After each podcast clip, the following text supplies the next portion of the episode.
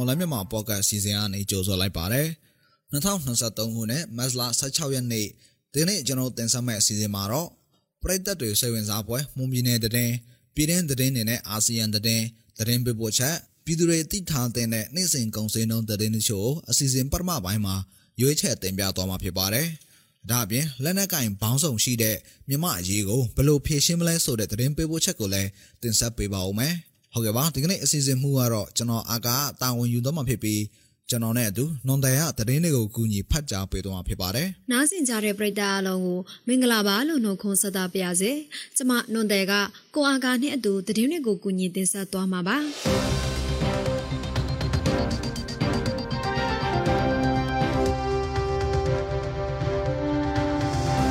ဦးဆုံးသတင်းပုတ်အနေနဲ့မွန်ညညွရေးပါတီ MUP ဟာလာမယ့်ရွေးကောက်ပွဲအတွက် နိုင်ငံရေးမှတ်ပုံတင်တင်သွင်းလိုက်ပြီဖြစ်တယ်လို့သိရပါတယ်။နိုင်ငံရေးပါတီများမှတ်ပုံတင်ခြင်းဆိုင်ရာဥပဒေပုံမှန်25အရနိုင်ငံရေးပါတီအဖြစ်ဆက်လက်တည်ထောင်လိုတဲ့မွန်ညညရေးပါတီအပါအဝင်ရခိုင်ပြည်နယ်အမျိုးသားအင်အားစုပါတီပြည်သူ့ရှေ့ဆောင်ပါတီ PPP တို့ဟာဥပဒေနေဥပဒေနဲ့အညီနိုင်ငံရေးမှတ်ပုံတင်တင်သွင်းလိုက်ပြီဖြစ်တဲ့အကြောင်းကိုမတ်လ16ရက်နေ့ထုတ်စစ်ကောင်စီပိုင်းမြန်မာအလင်းသတင်းစာမှာထုတ်ပြန်ထားတာဖြစ်ပါတယ်။ဒါကြောင့်စစ်ကောင်စီက နိုင်ငံရေးပါတီများမှတ်ပုံတင်ခြင်းဥပဒေအသစ်ပြဋ္ဌာန်းပြီးတဲ့နောက်မတ်လ15ရက်အထိတလကျော်အတွင်းမှာပါတီတည်ထောင်ခွင့်နဲ့မှတ်ပုံတင်လျှောက်ထားတဲ့နိုင်ငံရေးပါတီ26ပါတီအထိရှိပြီဖြစ်တယ်လို့ပြည်ထောင်စုရွေးကောက်ပွဲကော်မရှင်စာရင်းအရသိရပါတယ်။မှတ်ပုံတင်ထားတဲ့နိုင်ငံရေးပါတီ26ပါတီဟာပြည်ထောင်စုတမွန်လုံးစီးရုံးမဲ့ပါတီက6ပါတီနဲ့တိုင်းဒေသကြီးနဲ့ပြည်နယ်တစ်ခုအတွင်းမှာပဲစီးရုံးမဲ့ပါတီကအခု20ရှိပြီးဒီပါတီတွေအတွက်ကိုတည်ထောင်ခွင့်နဲ့မှတ်ပုံတင်ခွင့်ပြုနိုင်ရင် ပြည်ထောင်စုကော်မရှင်ကဆက်လက်အစည်းအဝေးနေဆက်ဖြစ်တယ်လို့သိရပါတယ်။မွန်ညီညွတ်ရေးပါတီကိုရခိုင်မွန်မျိုးသားပါတီ MNP မွန်တရားလုံးဆိုင်ရာဒီမိုကရေစီပါတီ AMDP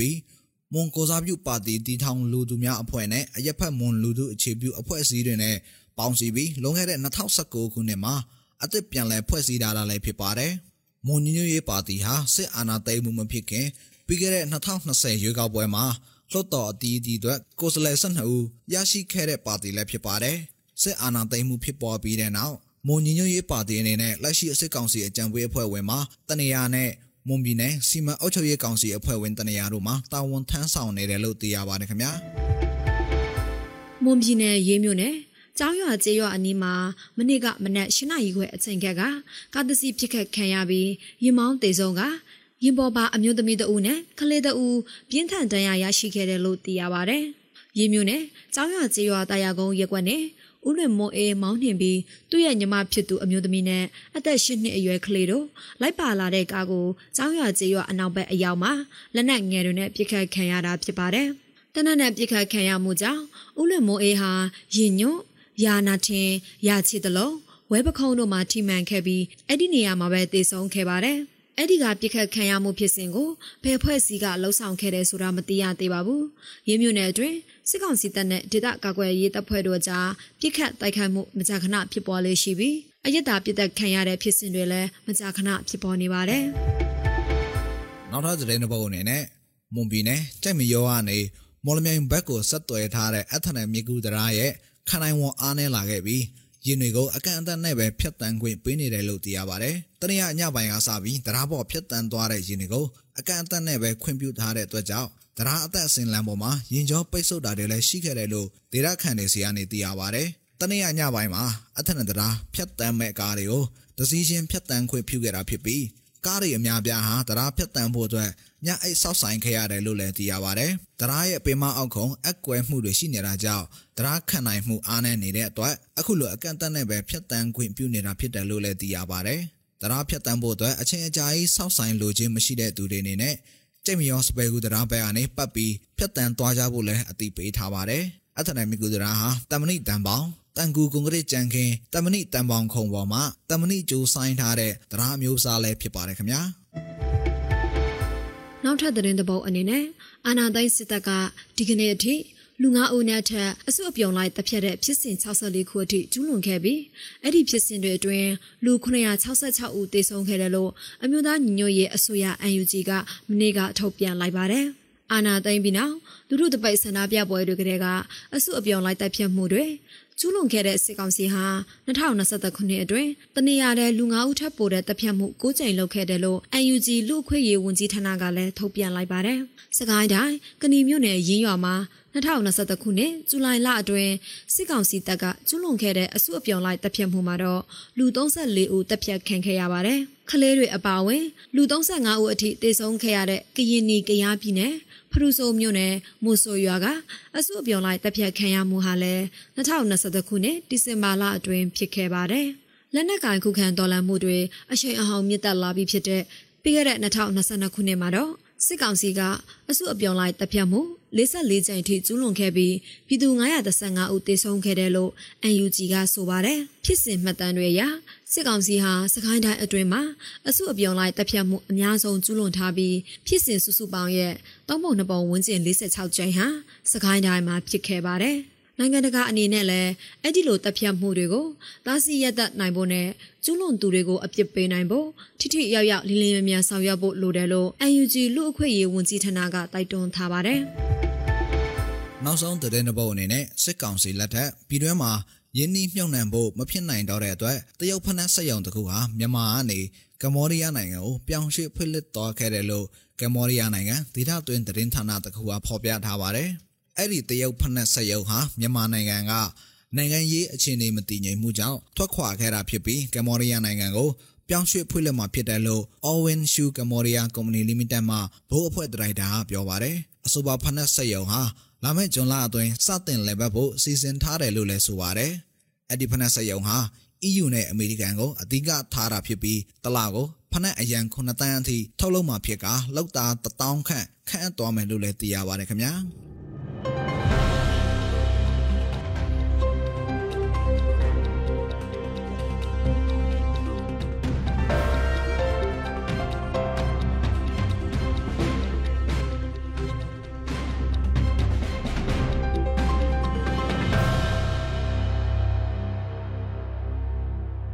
ပြည်သူတွေသိထားတဲ့နေ့စဉ်ကုန်စည်နှုန်းသတင်းချို့မော်လမြိုင်ကုန်စည်တွေကအချက်လက်တွေကိုအခြေခံပြီးကျွန်တော်အကတင်ဆက်ပေးပါဦးမယ် ဒီနေ့ထိုင်းနဲ့မြန်မာငွေလဲနှုန်းကတော့ထိုင်းဘတ်82.49ဝယ်ဈေးရှိနေပြီးရောင်းဈေးက83.94ရှိနေပါတယ်ဒေါ်လာဈေးကတော့အမေရိကန်ဒေါ်လာကိုဝယ်ဈေးမြန်မာငွေ2850ရှိပြီးရောင်းဈေးကတော့2864ရှိပါတယ်ရွှေစင်းနှုန်းကမီလ16ပဲတစ်ကြက်သားကိုအပြင်ပေါက်စေ28သိန်းအထက်မှာရှိနေပါတယ်။73စီတွေကတော့ဒီဇယ်တလီတာကို2245ကျပ်အောက်တိုင်း62တလီတာကို2205ကျပ်နဲ့ 65တလီတာကို2295ကျပ်အထိရှိနေတာပါ။စံစင်းနှုန်းကတော့အကောင်စားပေါ်ဆက်မှု108ပေါင်အမြင့်ဆုံးကို9200ကျပ်အလဲလက်တန်ဆိုင်မျိုးစားပေါ်ကျွဲ108ပေါင်အနှိမ့်ဆုံးကို6300ကျပ်နဲ့အမထဆန်တွေကတော့108ပေါင်အနှိမ့်ဆုံးကို9600နဲ့အမြင့်ဆုံးကို9800ထိရှိနေတာပါ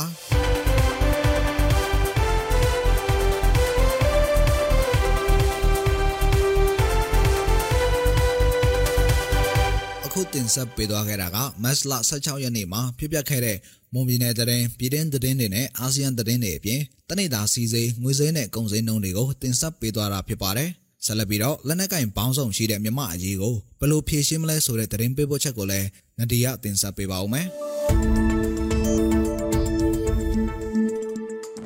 လက်နက်ကင်ပေါင်းဆောင်ရှိနေတဲ့မြန်မာအရေးကိုဘယ်လိုဖြေရှင်းနိုင်မလဲမြန်မာနိုင်ငံမှာ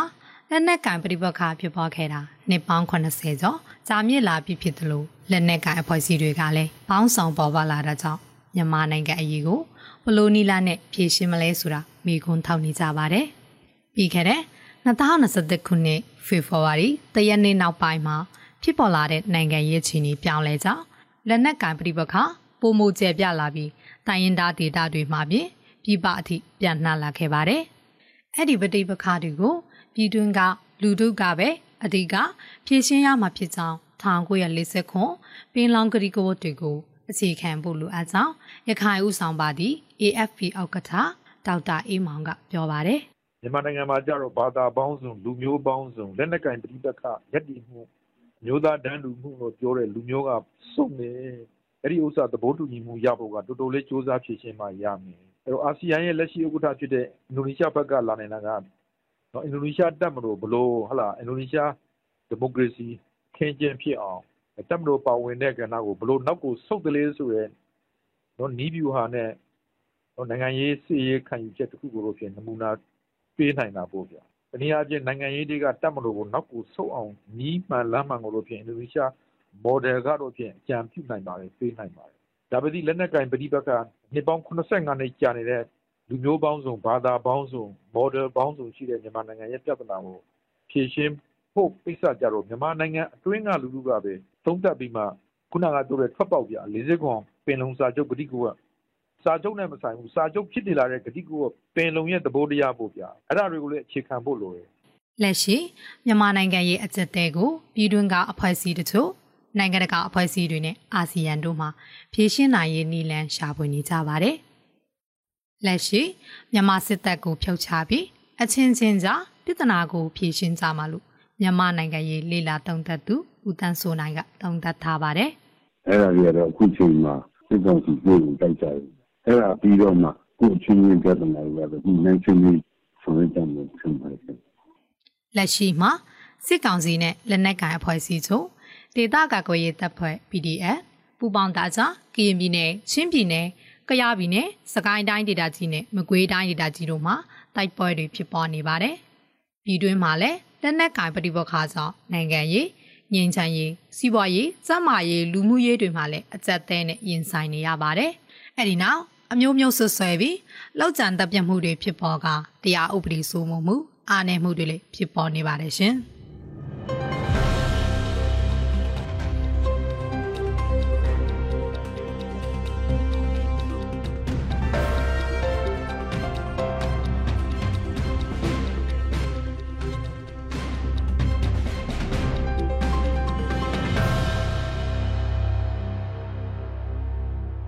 တို့ရဲ့မွန်လယ်မြမှာဖော့ကက်အစီအစဉ်ဒီမှာတင်ပြီးဆုံးပါပြီ။နားဆင်ကြတဲ့ပရိသတ်အားလုံးကိုနောက်နေ့အစီအစဉ်တွေမှာဆက်လက်အပေးကြပါအောင်လို့ဖိတ်ခေါ်ရင်းဒီအစီအစဉ်ကိုဒီမှာပဲအဆုံးသတ်ပါရစေ။အားလုံးကိုကျေးဇူးတင်ပါတယ်ရှင်။